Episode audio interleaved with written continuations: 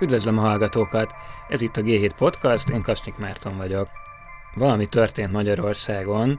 Most az utóbbi hónapokban azt látjuk, hogy a magyar dolgozók rég nem látott öntudatra ébredtek, és kezdik felismerni azt, hogy ebben a mostani gazdasági helyzetben egy olyan alkupozíciójuk lett a munkaadókkal szemben, amilyen gyakorlatilag a rendszerváltás óta nem volt nekik soha.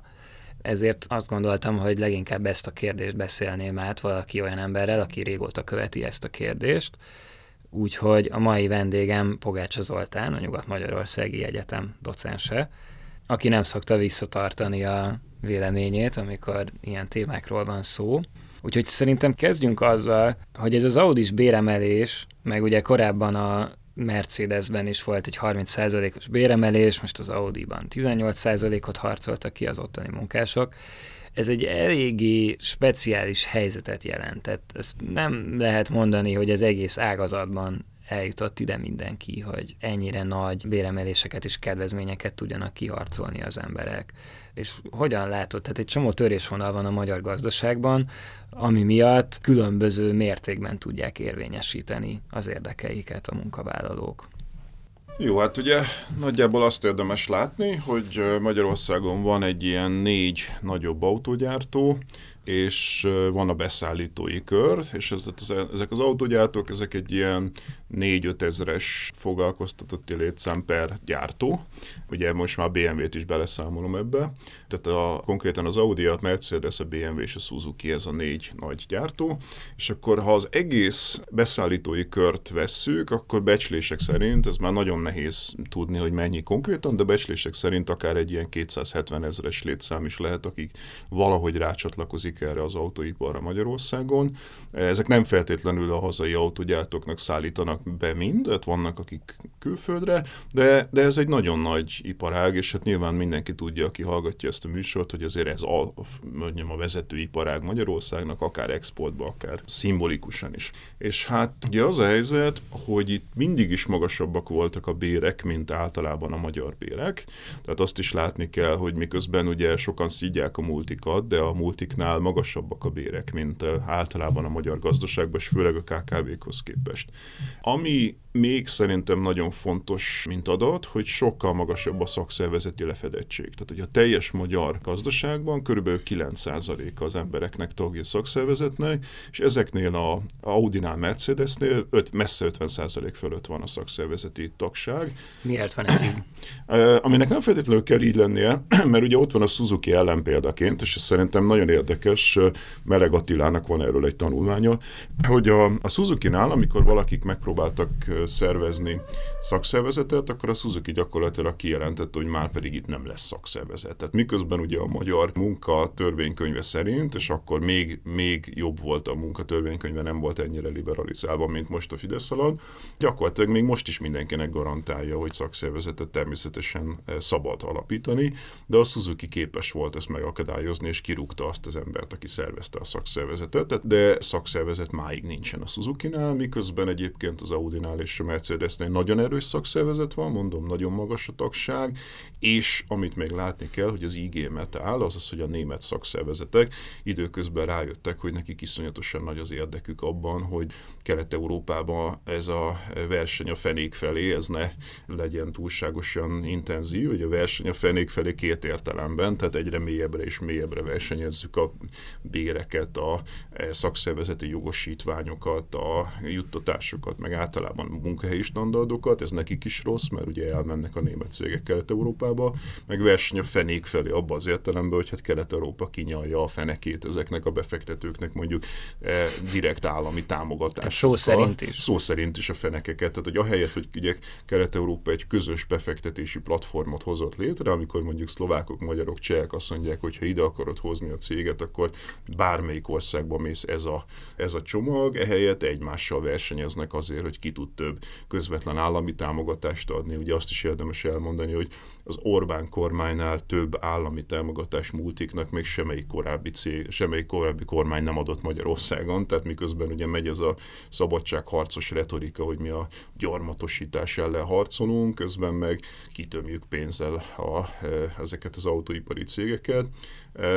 Úgyhogy ez egy egészen sajátos iparág ebből a szempontból, de az, hogy munkaerőhiány van, és az, hogy nagyon erős a szakszervezet ezeknél a cégeknél, és a németek is támogatják, a német szakszervezetek, azt hiszem, hogy ezek azok a tényezők, amelyek együtt lehetővé tették, hogy először 2016 végén a Mercedesnél volt egy 30%-os két éven át húzódó béremelés, és azt meg kevésbé figyelték a magyar közvélemény, mert hogy akkor még nem volt rabszolgatörvény, de a rabszolgatörvény az kicsit felhangosította azt, hogy az Audinál meg ugye most kiharcoltak szintén egy jelentős béremelést, és ezt most már magyarok is jobban figyelték meg a nemzetközi sajtó is. Na igen, de szóval a kisebb beszállítóknál ez mennyire megy át? Van, van olyan ágazati szakszervezet, ami nem egy gyárra korlátozódik? Hát ugye a Vas az a szakszervezet, ami ezen a pályán játszik, de az a szabály általában, hogy minél nagyobb egy cég, annál könnyebb szakszervezetet csinálni, és minél kisebb egy cég, annál nehezebb. Tehát a párfős Kft-knél gyakorlatilag azonnal kirúghatja a főnök az alkalmazottakat, hogyha szakszervezetet próbálnak megcsinálni. Erre ugye az lenne a válasz, hogy akkor nem egy helyi szakszervezeti sejtbe lépne be, hanem mondjuk akár egy területi szervezetbe.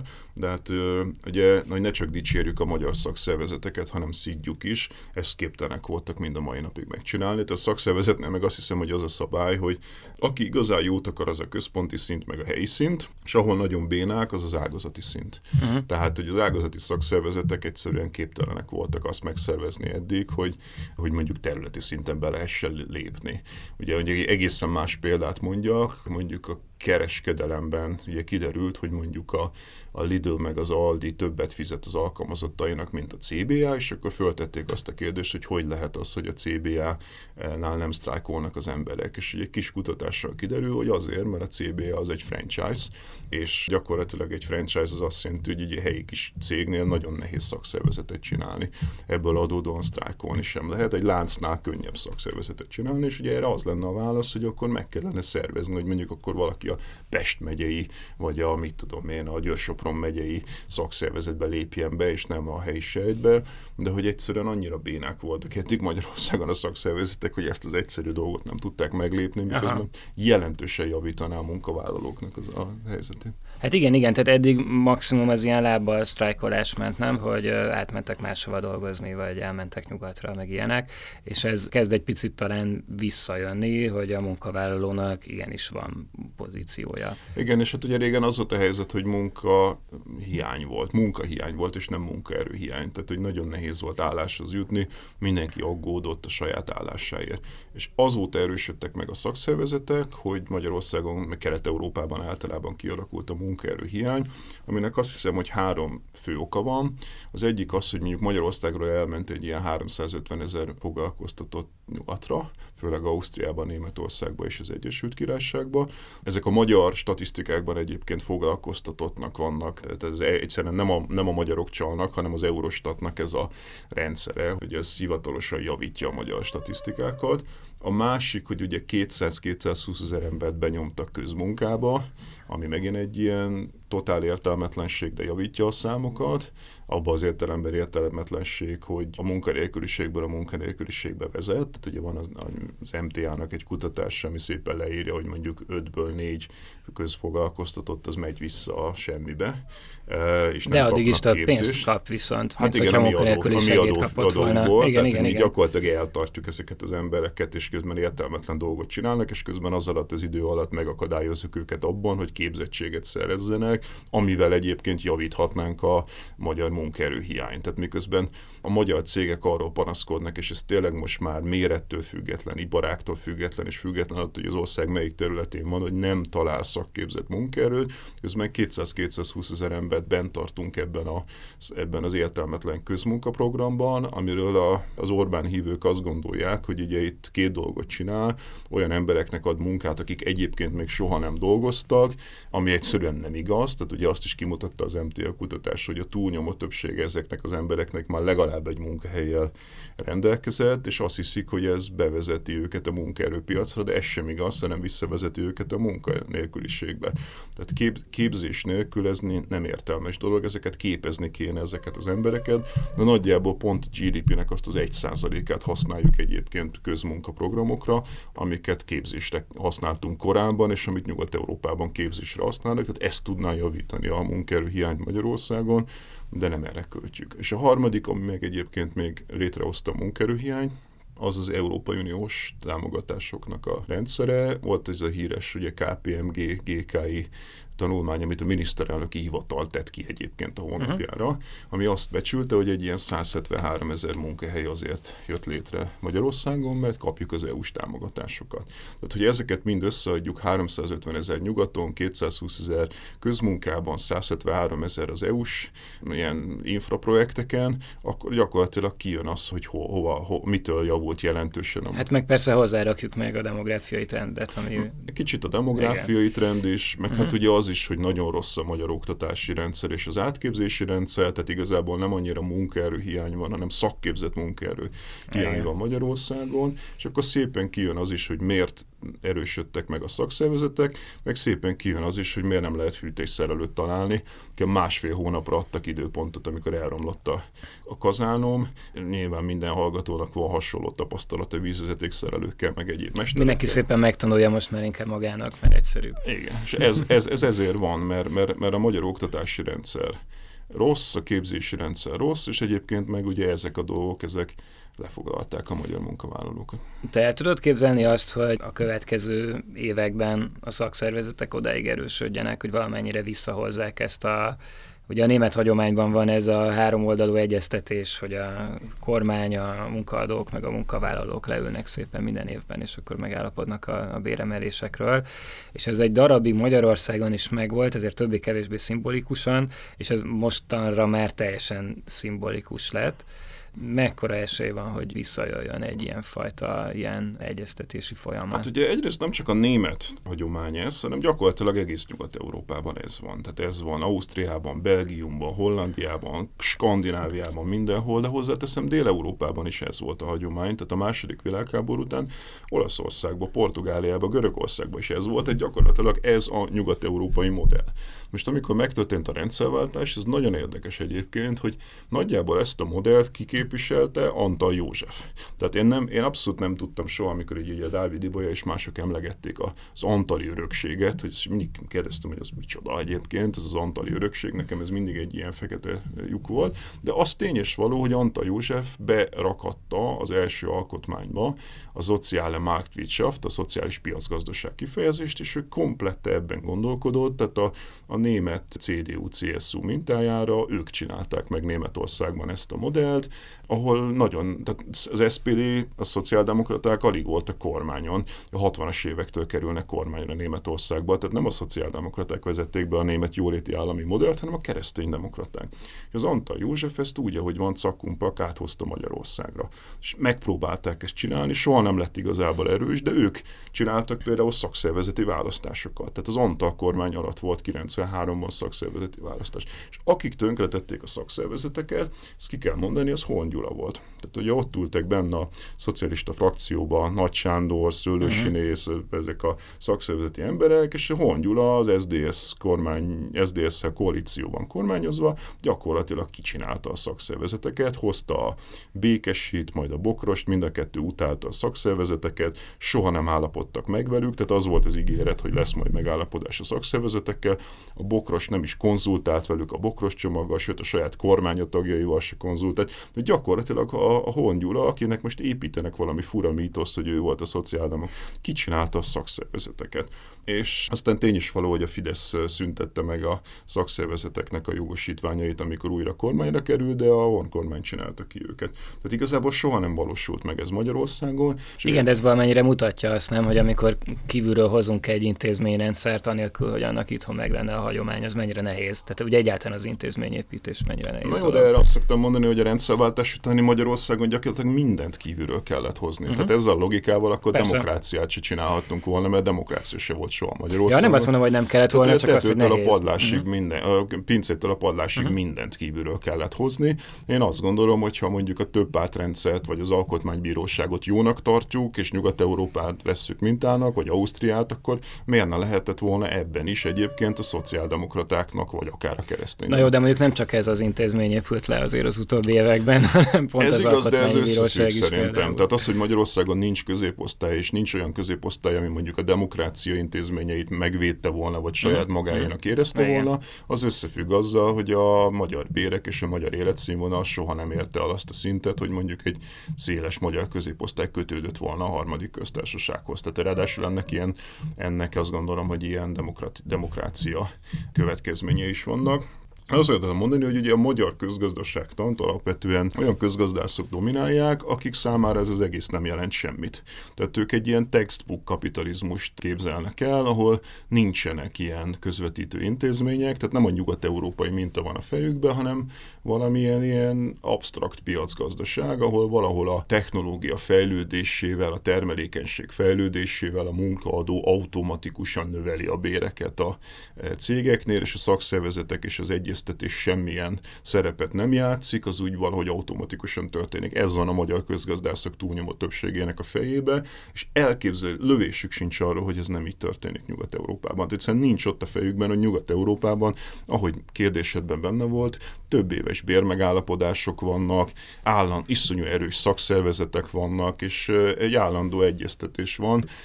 Két évre előre megmondja a cég, hogy milyen technológiafejlesztés lesz, milyen termelékenységi növekmény lesz, és akkor ezt elosztják profit és bér oldal irányba, és egy ilyen kóper egyszer egy Dán szakszervezeti vezetővel beszélgettem, és azt mondta, hogy mi a tulajdonképpen a tőke HRS-eivé váltunk, abban az értelemben, hogy a 30-as években Svédországban, Dániában iszonyatosan sok sztrájk volt, gyakorlatilag állt a gazdaság, és akkor ebből a konfrontatív sztrájkolós dologból a tőke rájött arra, hogy jobban jár mindenki, hogyha egy kooperatívabb modell felé indulnak el, és akkor megosztják a terveiket a vállalat dolgozóival, azt mondják, hogy ezt a technológiát hozzuk, ezt kéne megtanuljátok, nekünk ennyivel lesz magasabb a profitunk, de nektek is ennyivel magasabb lesz a béretek, és mindenki érdekelt abban, hogy a vállalat jól működjön.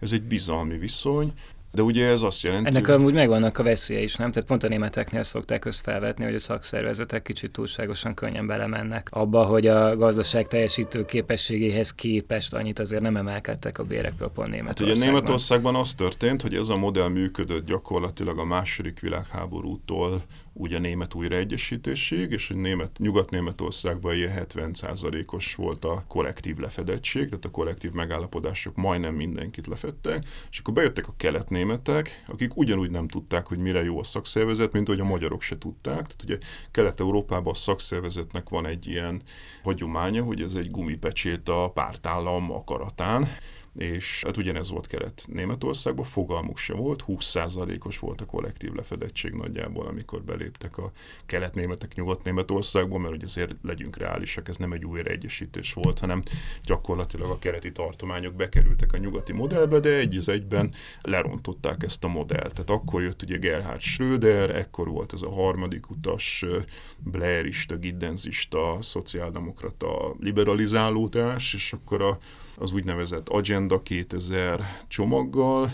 Azt mondták, hogy azt a korábbi modellt, hogy a termelékenység növekedését elosztják bérekre és profitra, ezt most másképp fogjuk csinálni, mert hogy a német gazdaságnak az a problémája, hogy túl magasak a bérek, és ezt a szakszervezetek ellenezték, de a Schröder átnyomta a szakszervezeteken, hogy akkor inkább nem tartották a bérekkel, nem, a bérek nem tartották az ütemet a termelékenység növekedésével, hanem ugye az volt a duma, hogy akkor majd több embernek lesz munkája, hogyha lent tartjuk a béreket. És hát önmagában ettől nem lett több embernek munkája, hanem létrehoztak egy iszonyatos ilyen prekárius réteget azzal, hogy ilyen mini jobok, meg egy eurós jobok, meg minden ilyen, tehát ilyen megélhetés nem biztosító vacakokkal tudtak, növe, tudták javítani a foglalkoztatást Németországban.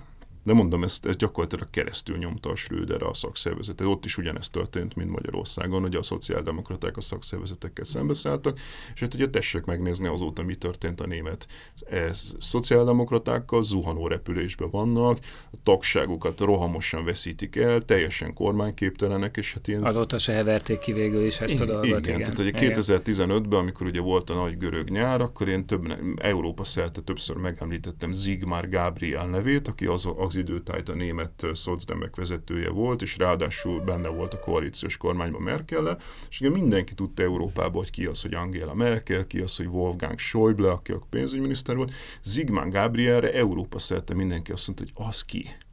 Most hogy jutottunk el oda, hogy mondjuk egy Willy Brandt SPD-től, ugye egy ilyen Zigmár Gabrielig, akiről senki nem Hát meg ugye Schröderről magáról ne is beszéljünk. Az aki ő, ugye a Gazprom igazgató tanácsába kötött ki, tehát hogy ez mindent elárul. Meg Tony Blairről, meg ez, igen. Igen, szóval, szaudiakkal, tehát hogy ezek a harmadik utas szociáldemokraták, ezek borzalmasak Ebből voltak. egy ilyen kiárusítás lett. Borzalmasak, és ugye a személyes élet történetük gyönyörűen bemutatja, hogy mennyi, milyen emberek voltak ezek. De visszatérve Magyarországhoz, látjuk azt, hogy vannak ezek a német rendszerbe elég jól beintegrált, ugye sokszor konkrétan német lányvállalatokról van szó, meg ugye Németországba beszállító, ilyen exportáló, ilyen közepesebb cégek, akik szállítják a BMW-nek a váltókat, oké, okay, itt lehet, hogy elképzelhető, hogy már olyan pozícióba kerülnek, meg talán vannak még egyéb ilyen szegmensei a magyar gazdaságnak, de nem egy egységes egészről van szó hanem legalábbis kettős. És rengeteg leszakadó cég van, akik viszont ugyanazokért a munkavállalókért versenyeznek és ezek a cégek elég gyakran nem is termelnek egyszerűen annyi nyerességet, hogy tartani tudják az ütemet ezekkel a béremelésekkel. Tehát erről mit gondolsz, hogy ennek mi lesz így a hatása a következő években? Hogy ugye azt látjuk, hogy tényleg a versenyképesebb, nagyobb, nemzetközileg integrált cégek meg tudják adni ezt az elképesztő béremelést, a kisebbek viszont már eddig is alig maradtak meg a piacon. Hát ez egy nagyon nagy vita. Tehát ugye a magyar eh, közgazdászok is vitáznak arról most már lassan két évtizede, hogy milyen bérek lehetségesek Magyarországon. És itt ugye a főáramú közgazdászok, akiket én mondjuk liberális közgazdászoknak neveznék, ők azt mondják már 10-15 éve, hogy mindig ezt mondják, hogy nem lehet béreket emelni, nem lehet béreket emelni, mert nem bírja el a magyar gazdaság.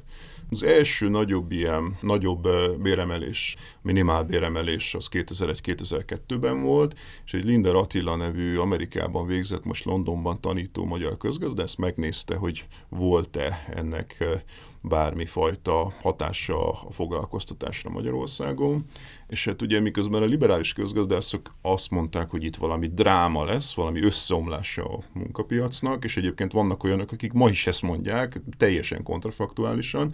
Ezzel szemben ugye azt találta Linder Attila, hogy miközben nagyjából egy millió embernek jelentősen javult a bére, tehát akkor nagyjából az akkori átlagbér 30%-áról 60-ra mentünk fel, ami az ILO ajánlás, tehát ma gyakorlatilag megdupláztuk akkor a minimálbéreket Magyarországon, és egy millió embernek, tehát aki közvetlenül minimálbéren volt, meg egy kicsit fölött a bérskálán, jelentősen javult a helyzete, közben egy ilyen pár tízezer embernek veszett el az állása, ami Nyugat-Európában azt, ez, egy, ez egy jó policy, tehát hogyha ha azt mondom, hogy egy millió embernek jelentősen javul, és egy pár embernek is, jaj, jaj, jaj, elveszik az állásuk, nem, ezeket az embereket kell átképezni. Tehát erre Nyugat-Európában azt mondták, hogy ez a gazdaság ezeket a béreket alul már nem bírja el. Tehát nem az a baj, hogy fölül ne bírta volna el a béreket, elbírta. Alul nem bírjuk már el azokat az alsó béreket, és úgy lehet fölfelé nyomni egy gazdaságot, hogyha ezeket szépen a megélhetés nem jelentő munkahelyeket bizony elveszíti egy idő után a gazdaság. Ez, ez a kapitalizmus. A Na jó, de amúgy ezek a, a megélhetés nem jelentő munkahelyek, tehát a minimálbéres munkahelyek jelentős része az egyébként multiknál van, nem? Tehát uh, Érdekes egy, módon csomó, nem, egy nem, csomó olyan összeszerelő cég van, amit a kormány is támogat, és, és a bérek viszonylag alacsonyak. Hát érdekes módon a, a KKV-knál van a többsége. A többsége, meg, a, igen, meg az persze, államnál. Persze, persze, persze, Tehát érdekes módon maga az állam is egy ilyen minimálbéres foglalkoztató. Sőt, minimálbér alatti a közfoglalkoztatás. Tehát, hogy így az is nagyon drámai, hogy az az állam, amelyik egyébként stadionokat épít, igen. meg presztis beruházásokat csinál, meg szórja a pénzt, az nem képes tisztességes béreket adni a saját foglalkoztatottainak. Szerintem ez botrány. De hogy, hogy mondjam, amikor pár tízezer munkahely elveszik, ezeket kell átképezni. Tehát közben ugye munkaerő hiány van a gazdaságban. Ha adnánk ezeknek az embereknek egy olyan végzettséget, amivel magasabb hozzáadott, mondok egy példát, tehát miért kellene valakit mondjuk nem tudom, 60-70 ezer forintért alkalmazni egy megélhetés nem jelentő munkakörben, miközben tele van az újság azzal, hogy mondjuk kasszást vagy logisztikai munkatársat keresnek most már 300 ezer forintos bérekért. Miért kellene valakit egy ennél sokkal rosszabb munkakörben megtartani? Ezt is sose értettem, hogy miért, miért ragaszkodnak a liberális közgazdászok ahhoz, hogy alul védjük meg ezeket a munkahelyeket, miközben ezeket kellene fölfelé nyomni. De ezzel végső soron azt mondod, hogy uh, igazából a KKV-knál azok a cégek, amelyek nem tudnak elég hozzáadott értéket előállítani, elég bért fizetni, meg elég nyerességet megtermelni, akkor itt nem ártana egy, nem, nem ártana egy nagy Tehát, hogy engem sokat vádolnak azzal, hogy nem tudom, valami sztálinista, kommunista, Kim Jongista, nem tudom mi vagyok. Nem, ez a kapitalizmus. Ha valaki nem bírja kifizetni azokat a béreket, amik a tisztességes megélhetés jelentik, akkor az ne legyen. Annak nincs létjogosultsága egy gazdaságban. Nyugat-Európa így működött a második világháború után. Nyomták felfelé a minimálbéreket, és ez gyakorlatilag kiszűri azokat a cégeket, amelyik alacsony hozzá, túlságosan alacsony hozzáadott értéket termez, akkor nincs létjogosultságod egy bizonyos bérszinten. Tele van egy csomó lehetőséggel fölül a, a sokkal följebb a gazdaság, ott kell munkavállalóknak lehetőséget adni, ott kell cégeket létrehozni, ami azon a bérszinten, hogy mondjam, ki tudja gazdálkodni. De nem magasabbak a belépési küszöbök? Tehát abban a szegmensben, ahol már tényleg nagy hozzáadott értéket kell termelni, és magasabbak hát, a bérek? Ne hülyeskedjünk már, hát iszonyatosan alacsonyak a, az adók Magyarországon, tehát társasági adó az már lassan offshore szinten van, az energia ára olcsóbb, még a monetáris politika is segítette Magyarországon, ez egy csomó szempontból. Persze, tehát kellene, ott van a növekedési hitelprogram, gyakorlatilag teljesen elfogadható szinten tud tőkéhez jutni egy magyar KKV. Ami az óriási probléma, az a képzés. Tehát, hogyha Magyarországon az oktatás képzés meg lenne oldva, és egyébként ezeket az embereket, akik felszabadulnak a munkaerőpiac alján, ezeket át tudnánk képezni, akkor rohamos tempóval tudnánk fölfelé menni a magasabb hozzáadott érték felé, és ez lenne a fejlődési dinamikája a magyar gazdaságnak, hogy, hogy ezeket felszabadítani, ezeket a munkavállalókat, és igenis kiszórni azokat a cégeket, amelyek nem tud kifizetni 60-70 ezer forintot, akkor ne legyen, akkor tényleg ne legyen. Az egyszerűen ezzel a logikával, hogy a gazdaság fejlődik, akkor automatikusan nő a bérszínvonal, muszáj lenne, hogy az áraknak, az, az árszínvonal, akkor muszáj lenne, hogy a béreknek is ezzel lépést kell tartani. Aki ezt nem tudja megcsinálni, az ne vállalkozzon. Ebből azt hiszem már következik, hogy mit fogsz mondani erre, de múlt héten nagy viart kavart Parag Lászlónak az Eko TV-ben előadott rövid nyilatkozata, amiben arról beszélt, hogy nem kéne itt sztrájkolgatni, mert azzal csak el fogjuk kergetni a külföldi cégeket, és romlani fog Magyarország renoméja a külföldi beruházók körében. És a másik, aki egy hasonlót mondott, az ugye Bauer Tamás volt, aki annak idején az SDS-nek a meghatározó közgazdásza volt, aztán pedig a DK-nak az alelnöke, hogy gyönyörűen létrejött egy ilyen Bauer Tamás Parag László koalíció Magyarországon. Ez, ezt, ez szépen megmutatja, hogy ugye mi a különbség a ugyanezt csinálják, tehát a Fidesz ugyanolyan neoliberális, tehát miközben harcol a neoliberalizmus ellen, meg a gyarmatosítás ellen, meg nem tudom mi ellen retorikailag, közben ez agyon támogatja a multicégeket állami támogatásokkal, alig fizetnek adót ezek a cégek, tehát most már több kutatás kimutatta, hogy társasági adót, meg iparüzési adót adót minimálisan se fizetnek ezek a cégek.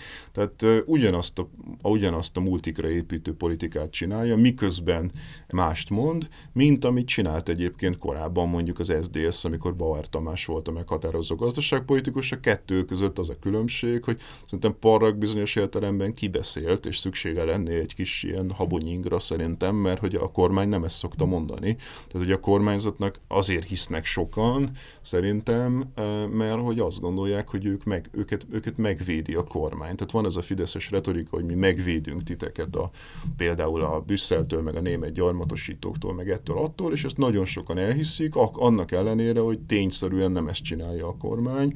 Az SDS meg abban rontott el a dolgot, meg, meg, meg, meg azt gondolom, hogy a, a, a DK, meg a Momentum, meg hasonló liberális pártok, hogy ők eleve azt mondják, hogy itt nem tudom, segíteni kell a multikat, tehát nekik el se hiszik a választók, hogy az ő érdekükben lépnek fel.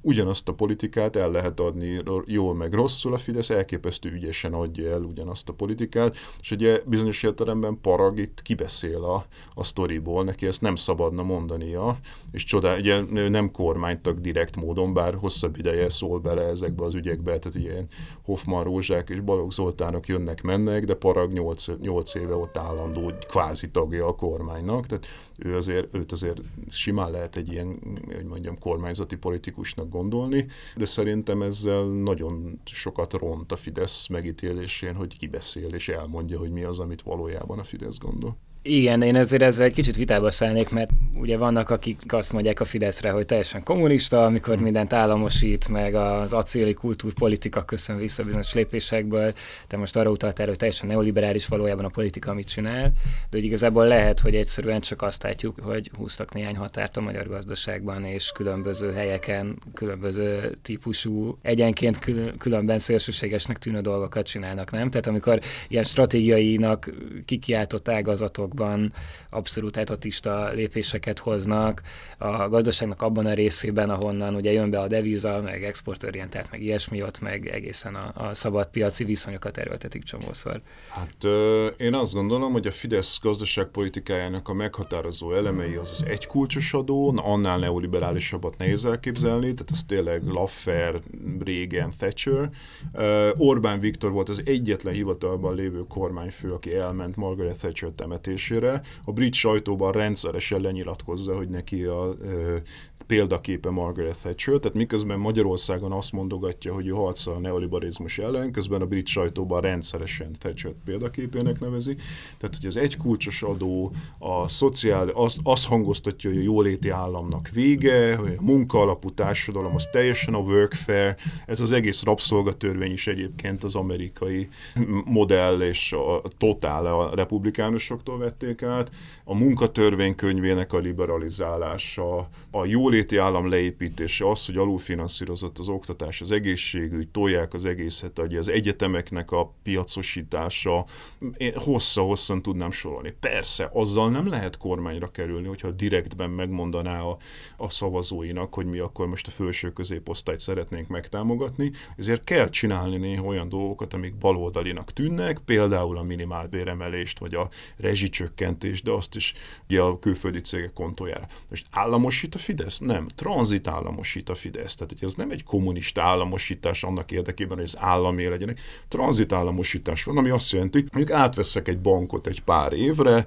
állami kézben van, majd szépen privatizálom valakinek. Mit csinál itt a Fidesz? Egy hozzá közeli nagyvállalkozói réteget hoz létre, ami ugye azért megint csak neoliberális, mert hogy megnézzük a Thatcher-t, a Régent, vagy általában a nyugati neoliberális politikusokat, ők marha közel voltak a saját hazai nagyvállalkozói rétegéhez. Tehát a jobboldali pártok, a tórik vagy a, a republikánusok, azok a, a, a hazai nagyvállalkozói rétegnek az érdekijárói a politikában. Magyarországon nem nagyon volt hazai nagyvállalkozói réteg, de a Fidesz ezt hozza létre. Tehát tulajdonképpen azzal, hogy itt a államosít bizonyos dolgokat, és ezeket odaadja. Most hozza létre azt a hazai nagyvállalkozói réteget, akivel tipikusan a, a, a jobb oldal Nyugat-Európában szoros szövetségben van. Ez nem, Tehát látsz egy ilyen párhuzamot a neoliberális járadékszedők Nyugat-Európában vagy az USA-ban, Persze, és a Dick most Cheney, kialakuló Dick Cheney, Fidesz amikor, közeli gazdasági Dick Cheney, amikor, áll, amikor alelnök uh-huh. volt, nem volt hajlandó megszabadulni a Halliburtonbe, meg a mindenfajta más cégekbe tartott részvényeitől. Hiába mondták neki, hogy a szabály ez, vagy Donald Trump nem hajlandó megszabadulni. Tehát hogy, hogy ugyanaz, egy, egy, egy hazai nagyvállalati, nagyvállalkozó dolgozói réteg, aki a politikában a jobb oldallal van összefonódva. Ezt teremtette meg a Fidesz gyakorlatilag az elmúlt években. Ez nem olyan típusú államosítás, mint amikor Rákosi elvtárs, nem tudom, TSS-ít, vagy átveszi a, átveszi a, a ganzot és állami cégét, és szó sincs róla. Ez teljesen magánérdekek mentén megy, és ez megint totálisan, ugye mi a neoliberalizmus? A neoliberalizmus az a felső osztályoknak az érdekérvényesítése a, a fogjulejtett államon keresztül. De a Fidesz ezt csinál csinálja, a felső osztály érdekérvényesítése fogja rejtett államon keresztül. Totál beillik a neoliberális sémába. Jó, térjünk vissza egy picit a termelékenységhez. Mivel fog ez javulni? Most ugye azt látjuk, hogy egy ideje már az MNB, meg tulajdonképpen a Fidesz, meg a kormány is arról beszél, hogy valamennyire majd valahogyan nőnie kéne a termelékenységnek, és ezt ahol láttam, valami ilyesmivel próbálták indokolni, hogy ugye a korábban beindult termelő beruházásokba így beletanulnak a munkások, és akkor majd, majd ez fog valamilyen fajta termelékenység növekedést okozni. Mi az, amivel, milyen gazdaságpolitikával lehetne ezt elérni, és milyen intézményeknek, milyen hmm. intézményekkel? Motka voltam egy, egy ilyen nagyon zárt körű rendezvényen, ahol ott volt Balogh Zoltán, és megkérdeztem a rendezőket, hogy szabad-e erről nyíltan beszélni, tehát most nem egy titkot fogok elárulni, és azt mondták, hogy lehet akár cikket is írni róla, de érdekes volt, hogy tényleg egy ilyen elitzált körű rendezvény, ahol lehetett Balogh Zoltántól bármit kérdezni egy ilyen luxus ebéd keretében. Milyen ő téged ilyenekre meghívnak? Ugye, ugye, ugye Igen, a, a kommunista közgazdász meghívják ilyen eseményekre, ráadásul Magyarország egyik legnagyobb private equity cége szervezi, hmm. tehát egy iszonyú érdekes az egész. És akkor ugye ott megte- föltettem azt a kérdést, amit egyébként tőlem kérdeznek nagyon sokszor, amikor ugye arról tartok előadást országszerte, hogy hogyan nőhetne a versenyképesség, és akkor mindig elmondom, hogy hát be kéne ruházni az oktatásba, az egészségügybe, a magyarok humántőkéjébe, átképzésbe, tehát hogy egy képzettebb, egészségesebb társadalom lenne versenyképes abban a globális versenyről, ami versenyben, ami alapvetően a magas hozzáadott értékről szól. És akkor mindig megkérdezik az előadásom végén a hallgatóságban, hogy miért nem ezt csinálja a kormány, és erre mindig csak azt tudtam mondani, hogy ezt nem tőlem kell megkérdezni, hanem mondjuk Balogh Zoltántól kellene, aki mégiscsak az emberi erőforrásokért felelős miniszter volt. És hát ugye mindig mondtam, hogy hát őt ő, egyszer majd lesz lehetőségem megkérdezem őt, meg önök, önök is kérdezzék Balogh Zoltát. És most volt lehetőségem megkérdezni, megkérdeztem, hogy hogy van az, hogy hát ellenzékben a Fidesz joggal egyébként szapulta a neoliberalizmust, és amikor kormányra került, akkor kivéreztette az oktatást, az egészségügyet, és egy totális neoliberális politikát vitt. És az volt Balogh Zoltán válasza, hogy nem volt elég pénzünk rá, mert adócsökkentésre kellett költeni, és vonzóvá kellett tenni Magyarországot a külföldi befektetők felé.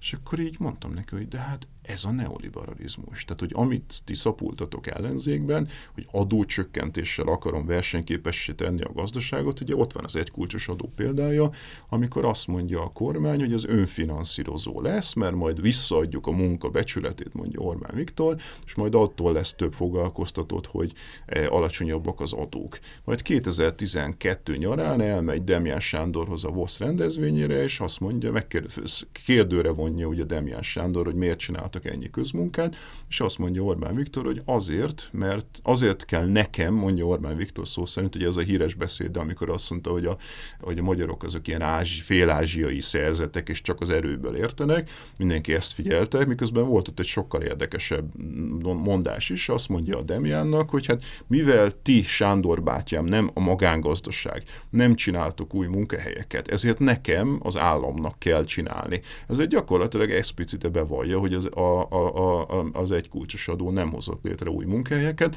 amit egyébként látunk gyönyörűen az adatokból, mert ugye a 2010-es SZIA bevételek, azok 500 milliárddal süllyednek 2011-ben, amikor bevezetik az egykulcsos adót, és egészen 2016-ig még nem jön vissza ugyanaz az adómennyiség. Tehát egyszerűen látszik az adatokból, hogy nem teremtettek annyi munkahelyet, amivel az SZIA bevételek visszatértek volna az eredeti színhez. Egyébként sehol soha az egykulcsos adó nem szokott bejönni. A Thatchernek se jött be, senkinek soha ezek az adócsökkentések. Ez a Laffer dolog, ez egy, ez egy mítosz, ami soha sehol nem jön be. Az OECD-nek van egy anyaga, ami szerint egyetlen egy országban jött be ez a dolog, ez Oroszország volt, ahol annyira bonyolult volt az adórendszer, és annyira rossz volt a befizetési morál. Ezen kívül soha sehol nem véletlen, hogy a szlovákok és a csehek is visszatértek. Tehát, hogy ugye ezt remélte Balogh Zoltán, mondja, hogy azért nem tudtunk rendesen finanszírozni oktatást és egészségügyet és humántőkefejlesztést, mert az egy kulcsos adóra, meg mert ugye vonzónak kellett maradnunk a külföldi befektetők mert megint mit jelent? Direkt támogatásokat, meg adókedvezményeket adni a, a nagy német autóipari cégeknek. Na ez a neoliberalizmus. Tehát, hogy látszik, hogy az ő fejükben hiába ellenzékben szapulták a neoliberalizmust, amit az MSZP SZDSZ kormány csinált, és teljesen jogosan, ezzel maguk mellé állítottak egy csomó magyar szavazót, de amikor kormányra kerültek, elkezdték ugyanazt csinálni. Tehát az lenne a megoldás, hogy végre legyen egy olyan magyar kormány, ami tényleg az oktatásra költ, tényleg az egészségügyre, tényleg az átképzésre, és emeli a humántőkéjét a magyar társadalomnak. Ez a kulcs a versenyképesség. De hát, amit erről reflexben mondani lehet, az az ugye, hogy a politikusok azért alapvetően a szavazóiknak játszanak, a Fidesz mindenféle adócsökkentései, meg adókedvezményei, meg úgy általában a támogatásoknak, meg az adópolitikának az áthangolása az ilyen felső két, mondjuk talán három millió embert segítette, ami a Fidesznek egy ilyen erős bázisa végül is, bár ugye mondjuk ugye azt is látni, hogy a társadalom alsó feléből is nagyon sokan támogatták őket az előző választáson, de hogy ugye ez alapvetően egy ilyen koalíciós játék, ahol különböző választói csoportoknak a kollázsát kell valahogyan kialakítani, ugye nyugdíjasok, szegények, felső középosztály, és akkor ezeket valahogyan összedrótozni valamivel. Amit viszont te mondasz, azok ugye évtizedes projektek és ezt sokkal nehezebb eladni, tehát amit most ruház be egy politikus a, a képzésbe, annak nem jövőre lesz hatása, meg nem is három év múlva, hanem mondjuk tíz év múlva. Ebben mind igazad van, és tényleg ez történik. Tehát ugye a Fidesz az nagyon kiszámította, hogy hát a legalul lévők azok nem járnak el szavazni. Tehát a, a leges legalsók egy-két-három jövedelmi tizeddel nem is érdemes foglalkozni, mert egyszerűen nem mennek el szavazni.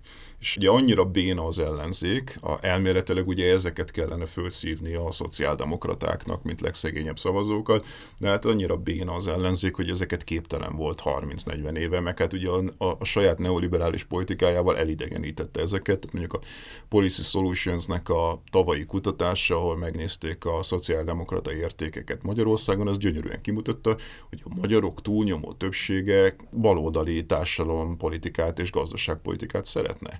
Tehát, hogy úgy van egy jobboldali kormány Magyarországon, hogy szinte minden ilyen, tá, ilyen gazdasági típusú, társadalompolitikai típusú kérdésre a magyarok legalább 50%-a, de van olyan, hogy 80%-a azt mondta, hogy bizony mi szeretnénk erős szakszervezeteket, humántőkeképzést, eh, ingyenes egészségügyet. Gyakorlatilag nem volt olyan, amire ne ezt mondták volna, és amikor megkérdezte a Policy Solutions meg az AVETS research hogy és ezt kitől várják, akkor azt mondták, hogy a Fidesztől, mert hogy az ellenzékben nem bíznak. Tehát egyszerűen annyira hiteltelen az ellenzék, hogy ezt nagyon jogosan kikalkulálta a Fidesz, hogy az alul lévőket nem fogja tudni meg, megszólítani az ellenzék. Az, az egy kulcsos adó az valóban a felső két-három jövedelmi tizedet állította a Fidesz mellé, a minimálbéremelés az körülbelül 1 millió 200 ezer embernek jelentős javulást hozott az életében, tehát valahol ott a mit tudom én, a, a, a harmadik, negyedik jövedelmi tizedek környékén egy, egy millió, másfél millió ember megint csak jó járt a fidesz főleg ahhoz képest, hogy ugye az megelőző korszakban IMF csomag, meg gyurcsány, meg ilyenek vannak, tehát a bázis is elég alacsony, ahhoz képest ez nagyon jó és, és, és hát a nyugdíjasoknak a nyugdíjreál értéke is emelkedett a Fidesz alatt. Tehát, hogy ha nem is minden nyugdíjas érzi ezt így, de a, a gyakorlatilag egy csomó választói csoport egyébként hozzá van kötve a Fideszhez.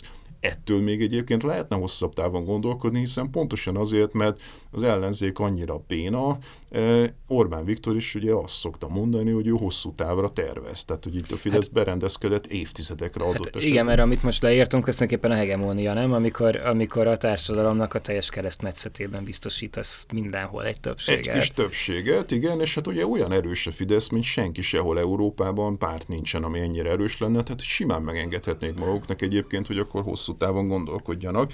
Hosszú távon viszont nem lesznek Európai Uniós források, meg hasonlók, tehát hogy valamiből majd meg kell élni ennek a magyar gazdaságnak, és simán megengedhetnék maguknak egyébként, hogy hogy akkor a versenyképességnek ezeket az aspektusait hosszú távra biztosítsák Magyarországon. Ez egy rejtély, hogy miért hisznek ilyen erősen a neoliberális dogmákban, de tulajdonképpen a Fidesz a helyén van. Tehát ezt mindig mindenhol elmondom, hogy hát a Fidesz az egy jobboldali párt. A jobboldali pártok azok mindenhol a felsőbb osztályokat képviselik, és neoliberálisok. Ők vannak a jó helyen. Tehát ugye a republikánusok meg a tórik sose lesznek szociáldemokraták. Tök jó helyen van. A Fidesz megtalálta a saját helyét. A probléma az ellenzékkel van.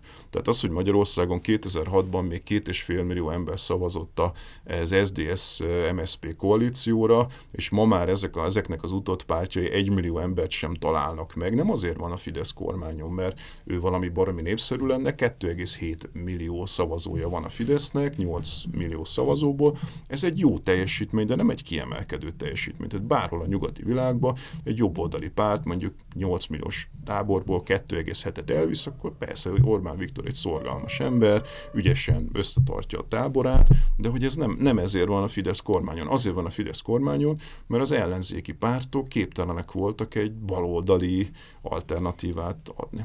Na jó, de azért azt se láttuk a nyugat-európai jobboldali pártoknál, hogy ennyire szorgosan aprították volna a demokrácia intézményrendszerét, mint a Fidesz.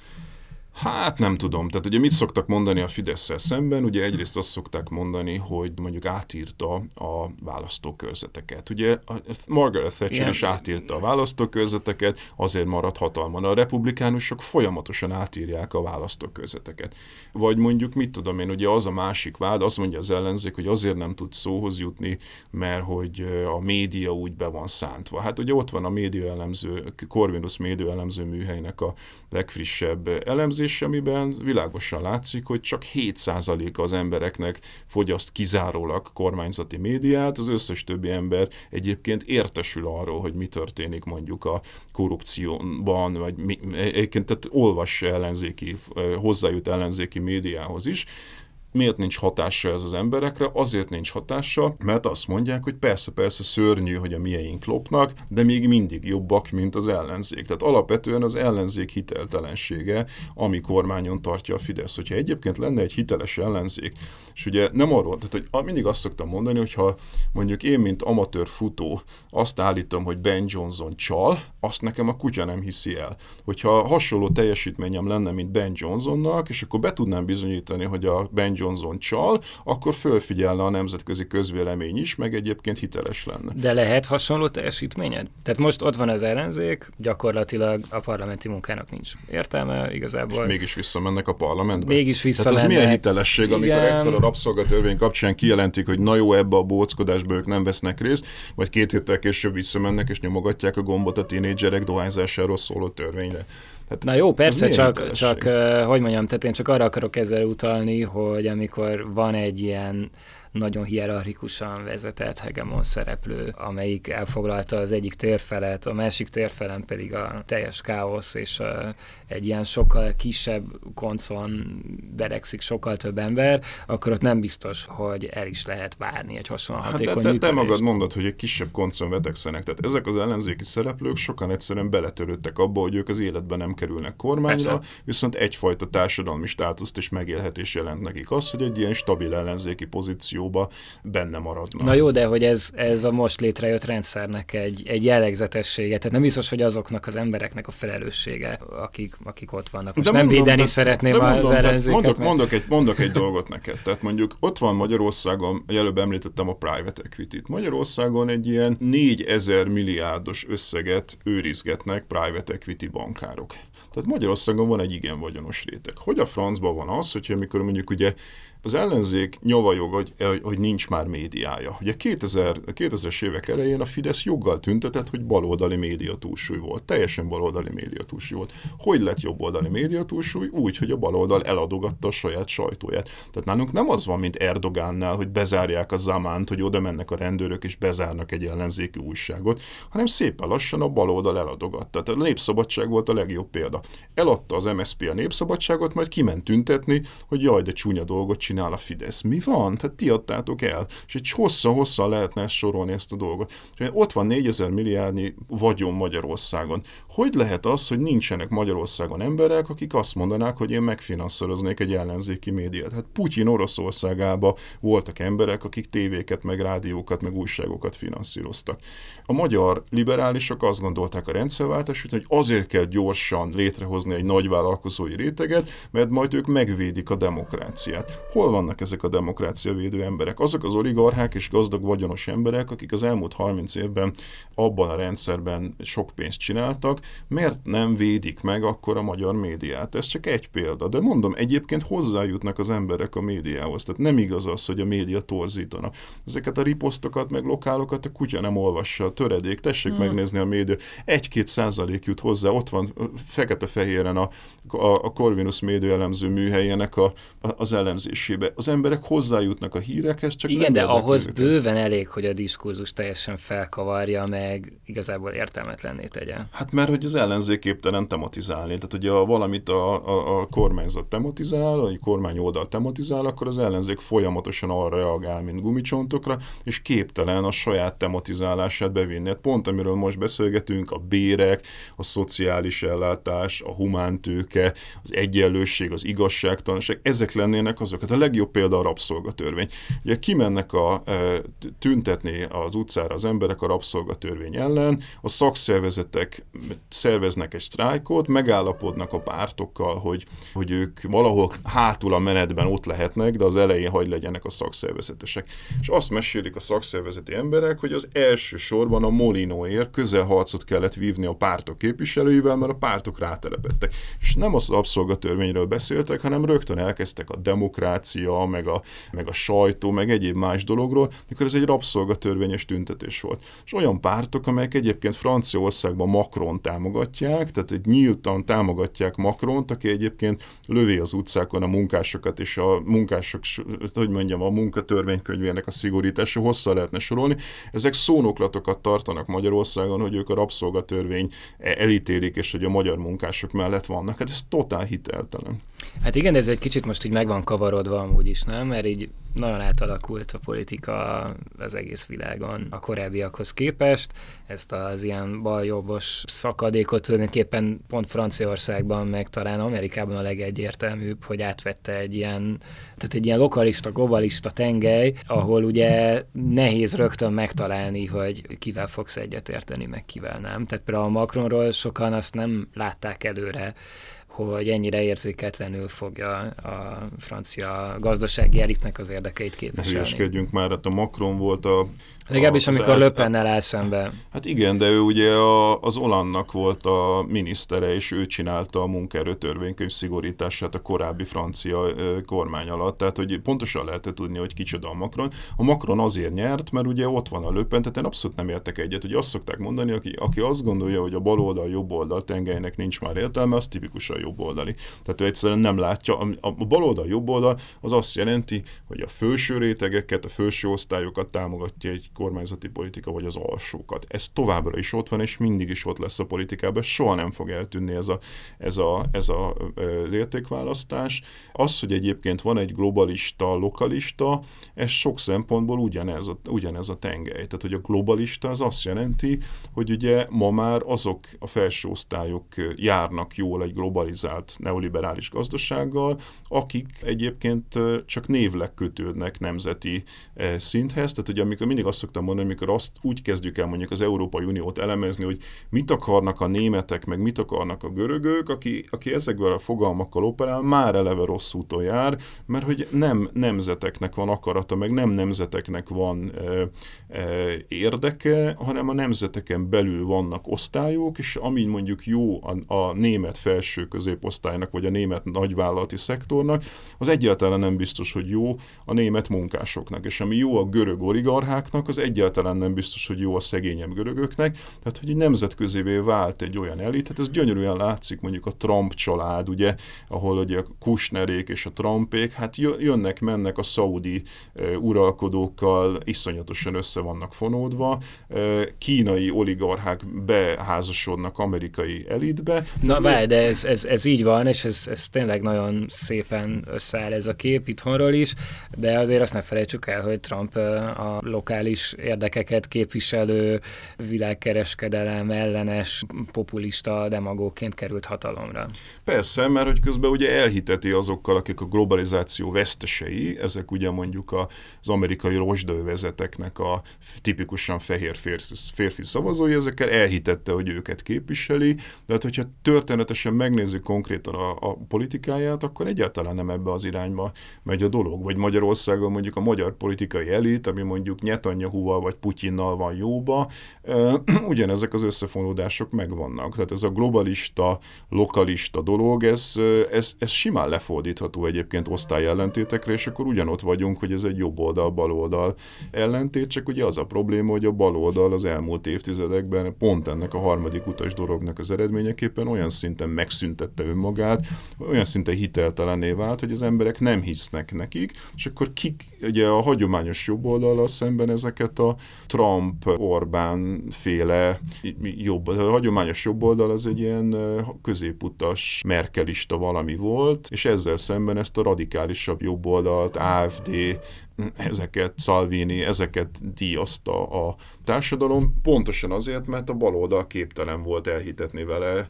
A baloldal egy globalista baloldalnak látják. Tehát azt látják ezek a szavazók, hogy a, amikor a baloldal kormányon volt, akkor ezt a globalista felső középosztálybeli érdeket szolgálta, és az egyetlen valaki, akinek elhiszik ma még, hogy, hogy az ő érdekeiket fogja képviselni, ez pont ez a Trump, Orbán, AFD féle, Löpen társaság, de bennük is csalódni fognak. Tehát szerintem csak időkérdése, amíg ez átszivárog a társadalmon, hogy hát az az Orbán, aki mondjuk a multinacionális cégeket tömi ki, meg rabszolgatörvényt csinál, az, nem, az ugyanúgy nem minket képvisel, mint ahogy Bauer Tamás sem minket képviselt korábban. Na jó, azt hiszem napestig tudnánk erről beszélgetni még, de azért valamennyire véges az idő, úgyhogy itt most belekezdtem. Köszönöm, Köszönöm szépen. szépen Fogács Zoltán volt a vendég, iratkozzatok fel a csatornánkra, találkozunk a jövő héten.